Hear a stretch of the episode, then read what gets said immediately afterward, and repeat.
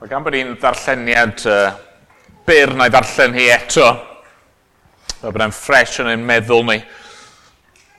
Lyc 14 adnod 7 yna adrodd o ddameg wrth y gwesteion wrth iddo sylwi sut roeddent yn dewis y seddau anrhydydd. Pan wahoddir di gan rhywun i'w ledd briodas, paid a chymryd y lle anrhydydd, rhag ofyn ei fod wedi gwahodd rhywun amlycach na thi. Oherwydd os felly, daw'r sawl a'ch gwahoddodd chwych dau, a dweud wrthyt, rhod y le i hwn. Ac yna byddi dithau mewn cywilydd yn cymryd y lle isaf. Yn hytrach, pan wahoddir di, dos a chymer y lle isaf. Fel pan ddaw'r gwahoddwr dywed wrthyt, gyfaill, tyrd yn uwch. Yna dangosir parch i ti, yngwydd dy holl gydwesteion.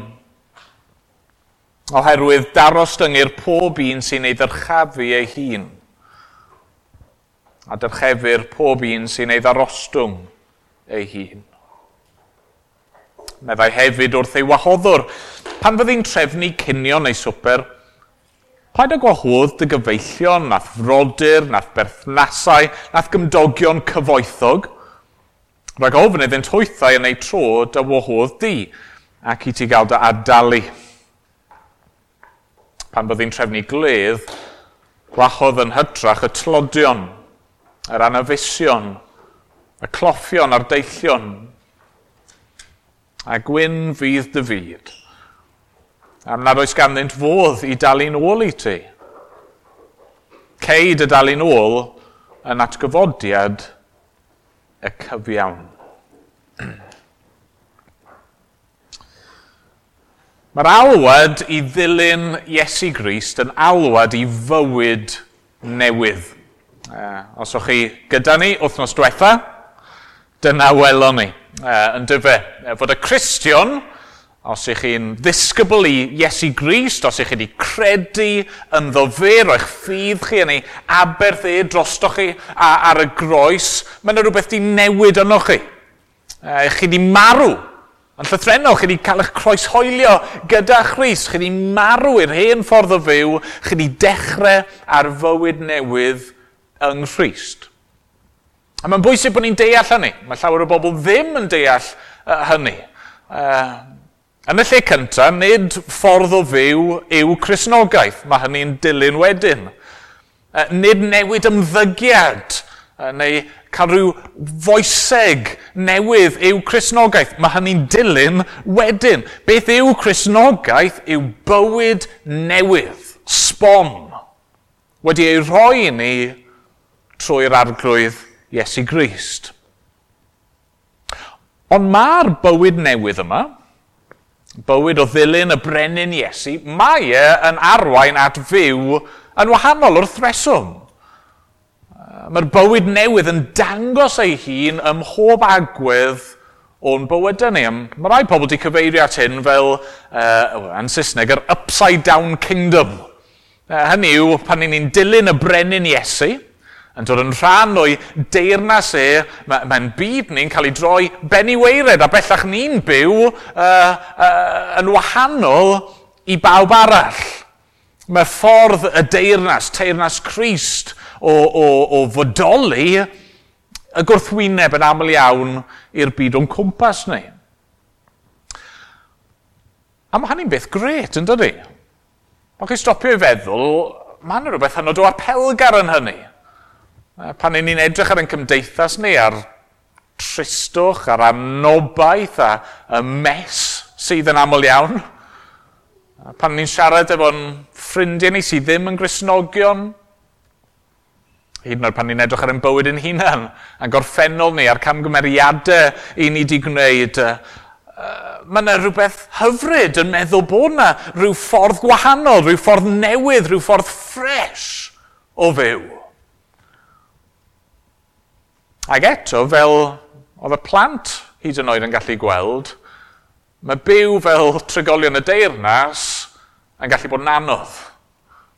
Mae bod yn wahanol, yn heriol. Dwi e ddim wastad yn dod yn rhwydd i ni. Pan mae pawb arall yn tyrru mewn un cyfeiriad, mae, mae ceisio mynd y ffordd arall yn erbyn y llu yn gallu bod yn beth anodd. A dyna ni'n mynd i weld bore yma. A ni'n mynd i ystyried ddau beth ddylsa fod yn, yn wir amdano ni fel Cresnogion. Dau beth sydd yn nodweddu uh, y Cristion.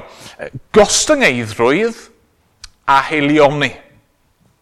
A na ni weld, mae'r ffordd yma o fyw, mae e'n wahanol iawn i beth sy'n falle'n dod naturiol i ni, beth mae'r byd yn ei annog ar ein cyfer ni. Ac um, Ac mae yna rhywbeth hyfryd gobeithio wrth i ni feddwl am ostyngeidrwydd a heilioni ag eto.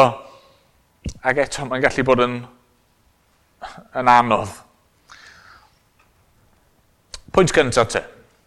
Y pwynt cyntaf uh, i ni nodi yw hyn, mae Christ yn ein galw ni i fywyd o ostyngeidrwydd a heilioni.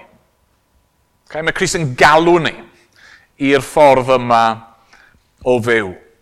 Ond ni'n nodi'n gynharach, y cyd-destun yn un yw pryd o fwyd.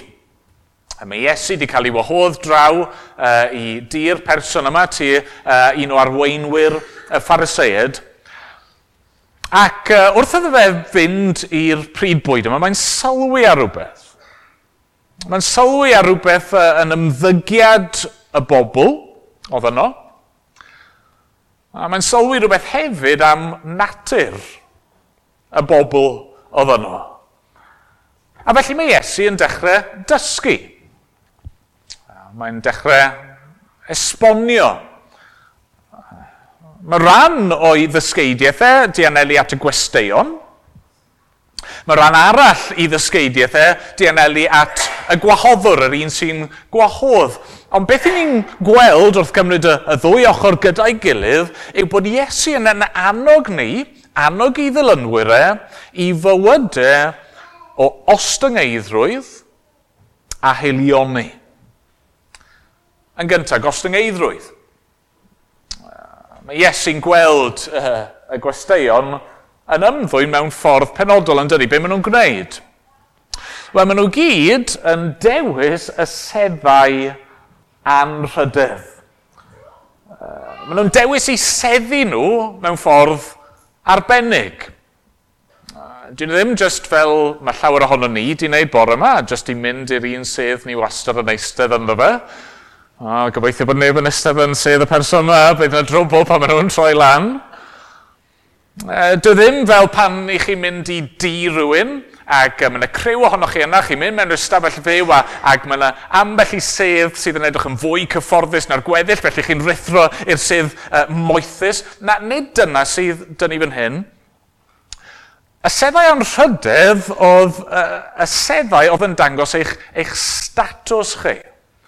Uh, o lle o'ch chi'n eistedd, pa drefn oedd pobl yn eistedd yn dangos mewn ffordd pa mor bwysig o'n nhw. Ac uh, yn ddiddorol, mae Iesu'n rhoi enghraifft i ni yn, yn ei ddameg e sydd dal i fod yn wir heddi. Yn dod i mae'n dweud pan wahoddir di gan rhywun i wledd briodas. Ac uh, ni'n gwybod mewn priodasau mae yna seddi a'n rhydedd dal i fod heddi, ond oes, mae yna top table. Ac uh, yn gyffredinol, mewn priodas, y bobl mwyaf pwysig, ar y dydd yna sydd ar y top table ac felly yn reddfol chi eisiau bod mor agos a chi'n gallu at y top table yn dydych chi achos yr agosa ydych chi i'r top table cyfle yma chi'n mynd i gael eich bwyd chi. Nawr, mewn priodas dyddi yma, chi ddim yn cael fel arfer dewis lle chi'n eistedd. Mae yna rhyw seating plans uh, mawr yn cael ei roi lan sy'n eich gosod chi uh, yn eich lle. Ond yn mydd Iesu, oedd pethau chydig yn wahanol. Uh, Oedd e lan i chi mewn ffordd i eistedd lle o'ch chi'n meddwl dylsech chi fod. Oedd pobl yn ffeindio i seddi hun ag wrth wneud hynny yn rhyw fath o asesu pa mor bwysig o'n nhw, lle o'n nhw'n perthyn. Ydw i'n fwy pwysig na fe? Ydw i'n fwy pwysig na hi? A ddylsyn ni fod yn eistedd uh, yn uwch neu'n is na'r person yna. Mm. Be mae Iesu'n dweud wrth i, wel wrth y bobl yma, yw os ych chi eisiau bod yn ddisgybl i fi, y default position yw bod chi'n mynd yn is yn hytrach nag yn uwch. Bod chi'n edrych lawr yn hytrach na lam fel petai. Gostyngeidrwydd. Ystyried eraill, pwy bynnag un nhw, yn fwy teilwng na chi eich hunan. Mae Iesu'n dweud, mae yna rybydd yn does, os chi'n mynd ac yn gosod eich hunan yn rhy uh, e, uchel, falle byddwch chi'n cael eich symud lawr a byddwch chi'n embarrassed, bydd yna gywilydd, uh, byddwch chi'n cael eich darostwng. Na, mae'n llawer gwell yn dydy bod chi'n yn, yn, yn dechrau mis ac yn gadael i rhywun arall i ddangos anrhydedd i chi yn hytrach na bod chi'n anrhydeddu eich hunan. Yna mae Iesu'n troi o'r gwesteion at y gwahoddwr yn dydy. A mae'n dweud, uh, os mae chi yw'r un sy'n trefnu'r parti, os mae chi yw'r un sy'n trefnu y wledd, be ddylse eich nodweddu chi yw haelioni. Bod yn hael. Uh, nawr, gallech chi stopio a meddwl, wel, well, dal man, nag yw just gwahodd unrhyw un uh, yn beth hael i'w wneud, nag yw trefnu gledd a roi bwyd wastad yn beth hael. Wel, wrth gwrs, i ryw raddau, Ond mae Iesu yn, yn neud y pwynt, dyw e ddim yn angen treidiol yn beth hael ydy e. Mae Iesu'n dweud, gallwch chi just trefnu glef uh, neu trefnu parti a gwahodd y bobl hynny sydd yn mynd i dalu chi nôl, sy'n mynd i'ch gwahodd chi yn ei tro. Mae'n dweud, mae yna bath o, o heilioni sydd just yn hael tuag at cyfeillion a brodyr a pherthnasau a chymdogion cyfoethog. E, bobl manteisiol yw gwahodd draw. Mae Iesu'n gweud, mm, dydy hynny ddim yn haelioni go iawn ydy e.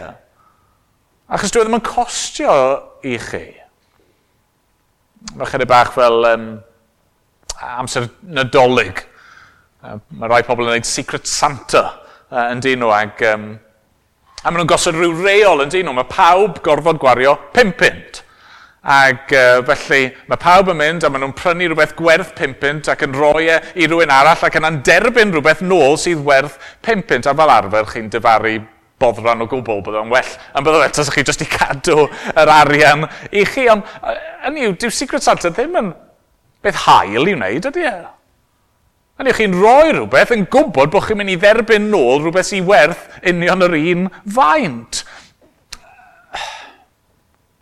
Na, meddwl Iesu, mae fy nisgyblion i yn bobl hael.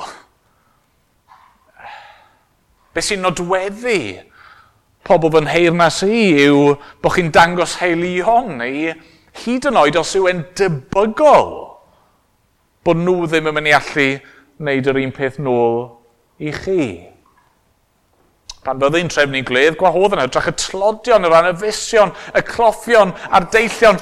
Gwyn fydd dy fyd am nad oes gan ddyn fodd i dalu'n ôl i ti. Dyna yw heilioni go iawn.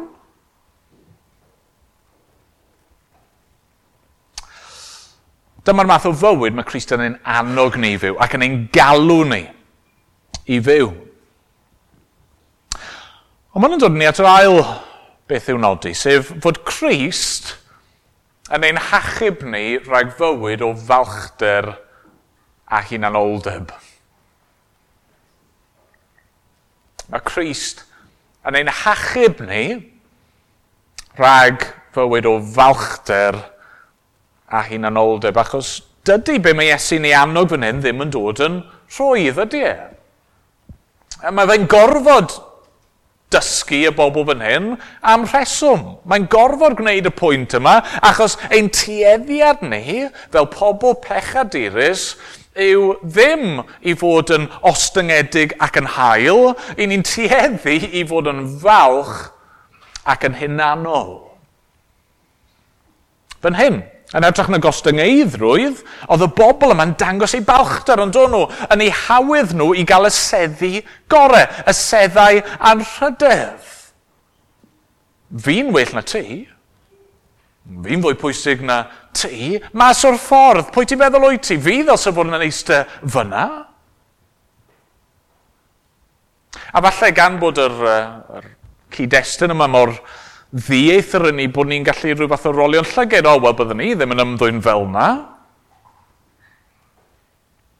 Ac eto faint o falchder sydd yn ein bywydau ni.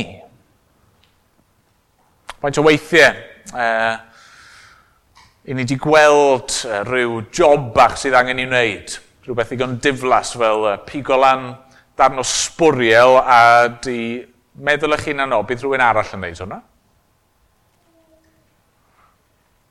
faint o weithiau ni wedi bod mewn uh, sefyllfa lle mae ma yna ddiolchiadau ac rhyw ganmol yn digwydd a restr o enwau, pawb yn cael ei nodi a chi ddim wir yn gwrando ar yr enwau eraill achos chi jyst yna yn gobeithio o ydy yn mynd i siarad amdano fi? Ydw i'n mynd i gael mens? Faint o weithiau ni wedi gweld rhywun arall yn llwyddo neu clywed am uh, amdanyn nhw cael eu bendithio mewn rhyw ffordd ac uh, yn hytrach na llawen hau, chi di teimlo'n flin yn grac am y peth. Balchder. Balchder yw hynny yn amlygu hun mewn pob math o ffyrdd. Yn hytrach na heilioni, mae'n amlwg wrth i e- Iesu edrych ar y bobl wedi cael ei gwahodd fan hyn, fod yna rhyw hunanoldeb yn y ffordd roedd wedi gwahodd, y math o bobl oedd wedi dewis gadw i fewn i'w e di. Oedd wedi dewis pobl bydd yn fanteisiol iddo fe rwsut i'w cael nhw yno. Ac wrth gwrs mae hunanoldeb yr un mor wir amdano ni. What's in it for me? Be mae'r person yma'n gallu cynnig i fi?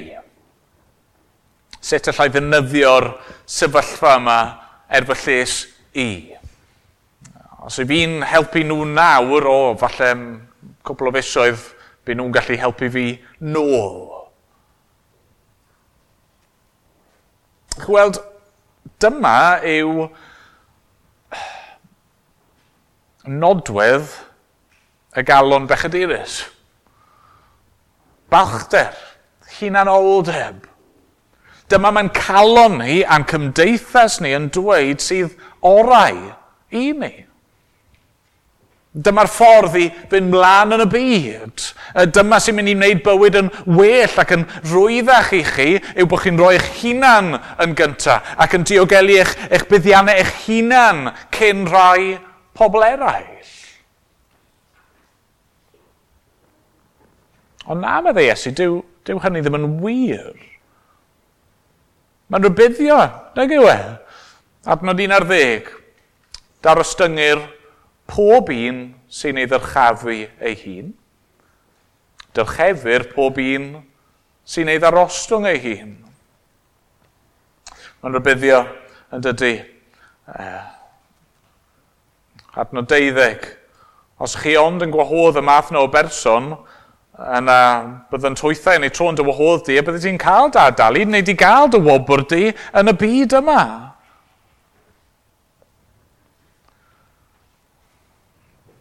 Os chi'n berson hunanol, medde Iesu, dyw hynny ddim yn mynd i'ch elwa chi o gwbl.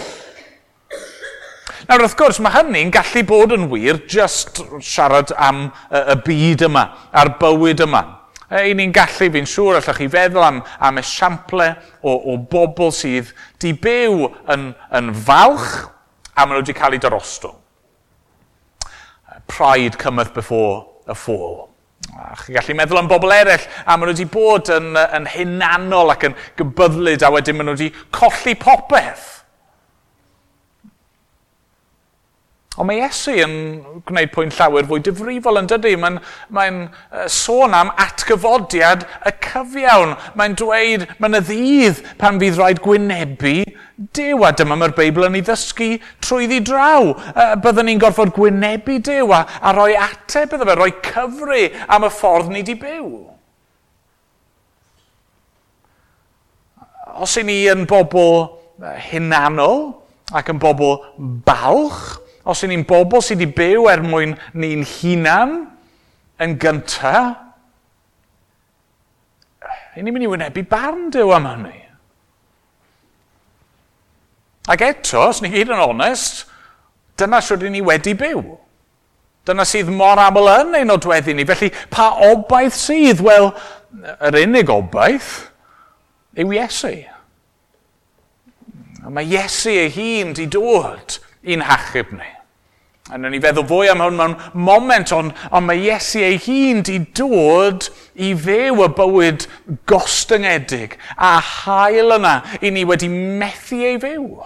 Mae Iesu di dod ac uh, heb unrhyw falchder o gwbl yn perthyn iddo fe. Heb unrhyw hunanoldeb o gwbl yn perthyn iddo fe, mae e ydi roi ei fywyd yn aberth trosto ni. Dyna ni wedi canu amdano fe yn barod. Fe yw yr un sydd wedi talu ein dyled ni. Fe yw'r meddyg sydd wedi dod i'n iachau ni. Fe sydd yn ein hachub ni o'r ffordd yna o fyw. Ond nawr mae'n galw ni i'w ddilyn ni. Ac e, y uh, pwynt olaf felly yn fyr yw hyn, mae Christ yn rhoi'r gallu i ni nawr i fyw yn ostyngedig ac yn hael. Iesu yw'r person mwyaf gostyngedig a'r person mwyaf hael sydd erioed wedi byw. Just, just stopiwch chi feddwl pa mae'n rhaid fod hynny'n wir. Meddyliwch am ostyngeidrwydd yr arglwydd Iesu. Yn testyn ni'n sôn am seddau anrhydedd. Pwy ddylsau fod ar y sedd mwyaf anrhydeddus? Pwy yw'r un sydd â hawl i eistedd ar gorsedd y bydysawd? A pwy yw y priodfab, dyna mae'r gair yn ei alw, e. y priodfab sydd yn heiddi eisteddiau e ar y top table, uwch ben pob un arall? Wel, Iesu. Ac eto be nath Iesu? Wel, ymostwng. Ni'n darllen yn dyn ni fod e wedi uh, ymwadu ei hun a dod ar ffurf gwas. Ymostwng. I'r groes. Dod mor isel. Gwneud ei hun mor isel ac mae'n bosib i unrhyw un i fod. Ond yna, cael ei ddyrchafu yn dydy. Mae'r tad yn ei, yn ei, yn ei godiau, e, yn ei ddyrchafiau e yn ôl i'r nef. Meddyliwch am helioni yr arglwydd Iesu.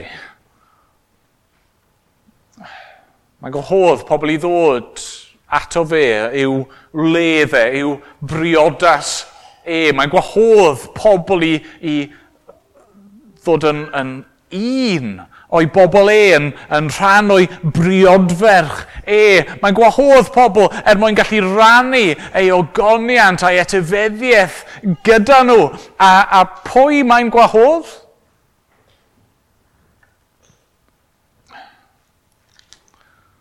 Y tlodion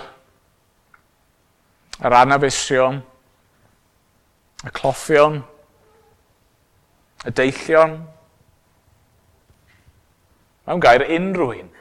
Unrhyw un sy'n barod i gweld ei hangen a dod ato fe. Uh, Mae'n gwahodd ei elynion e Mae'n gwahodd yr un i sydd heb unrhyw beth i'w gynnig ond eu pechod nhw a'u hangen nhw. Mae'n gwahodd rhain i sy'n methu achub ei hun a yr rhain i sydd wedi gwneud mes o'i bywydau nhw a mae'n mae gwahodd ni i ddod. Ond dyna mor hael yw e. Mae'n rhoi a rhoi a rhoi. Rhoi popeth, rhoi ei hun, rhoi ei fywyd, rhoi maddeiant, rhoi gobaith, rhoi llawenydd, Mae'n rhoi gan wybod yn iawn dos na ddim un ffordd y gallwn ni wneud unrhyw beth i'w adalu e.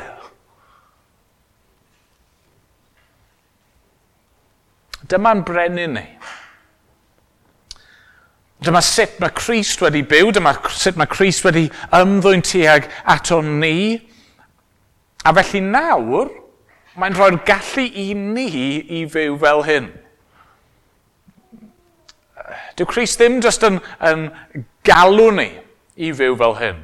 Yn dweud, dyma sydd i chi angen byw, ewch a gwnewch e. Ac yna'n gadael ni i, i, i uh, anobeithio yn ein balchder ni am hunanoldeb. Na, mae'n galw ni i fyw fel hynny, a mae e wedi delio gyda'n pechod ni, a mae wedi rhoi ei ysbryd glanau e yno ni nawr i'n galluogi ni i fyw fel hyn. Diolch iddo. Amen.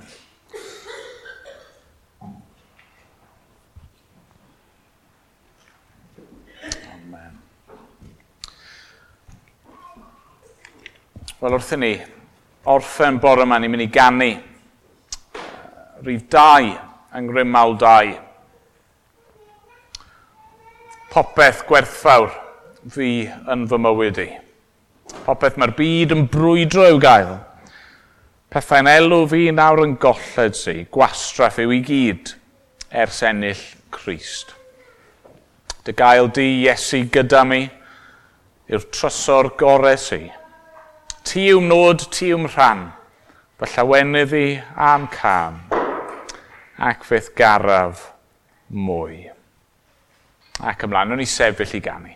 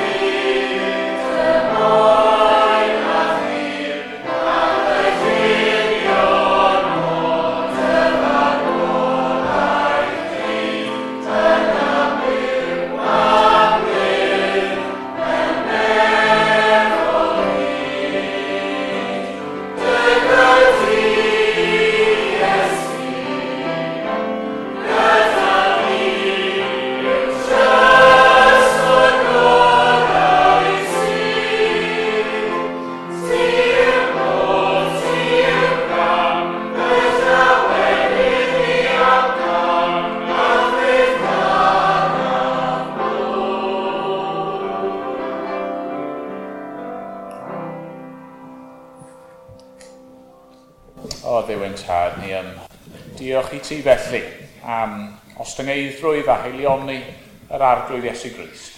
Ac uh, diolch bod e wedi byw fel hynny er ein mwyn ni. Helpa ni nawr arglwydd i fynd ac i fyw yn debyg ac yn deilwng ohono fe. Os gweli di bod yn dda.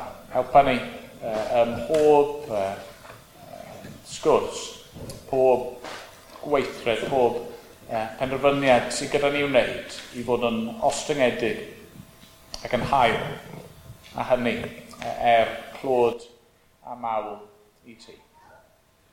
Amen.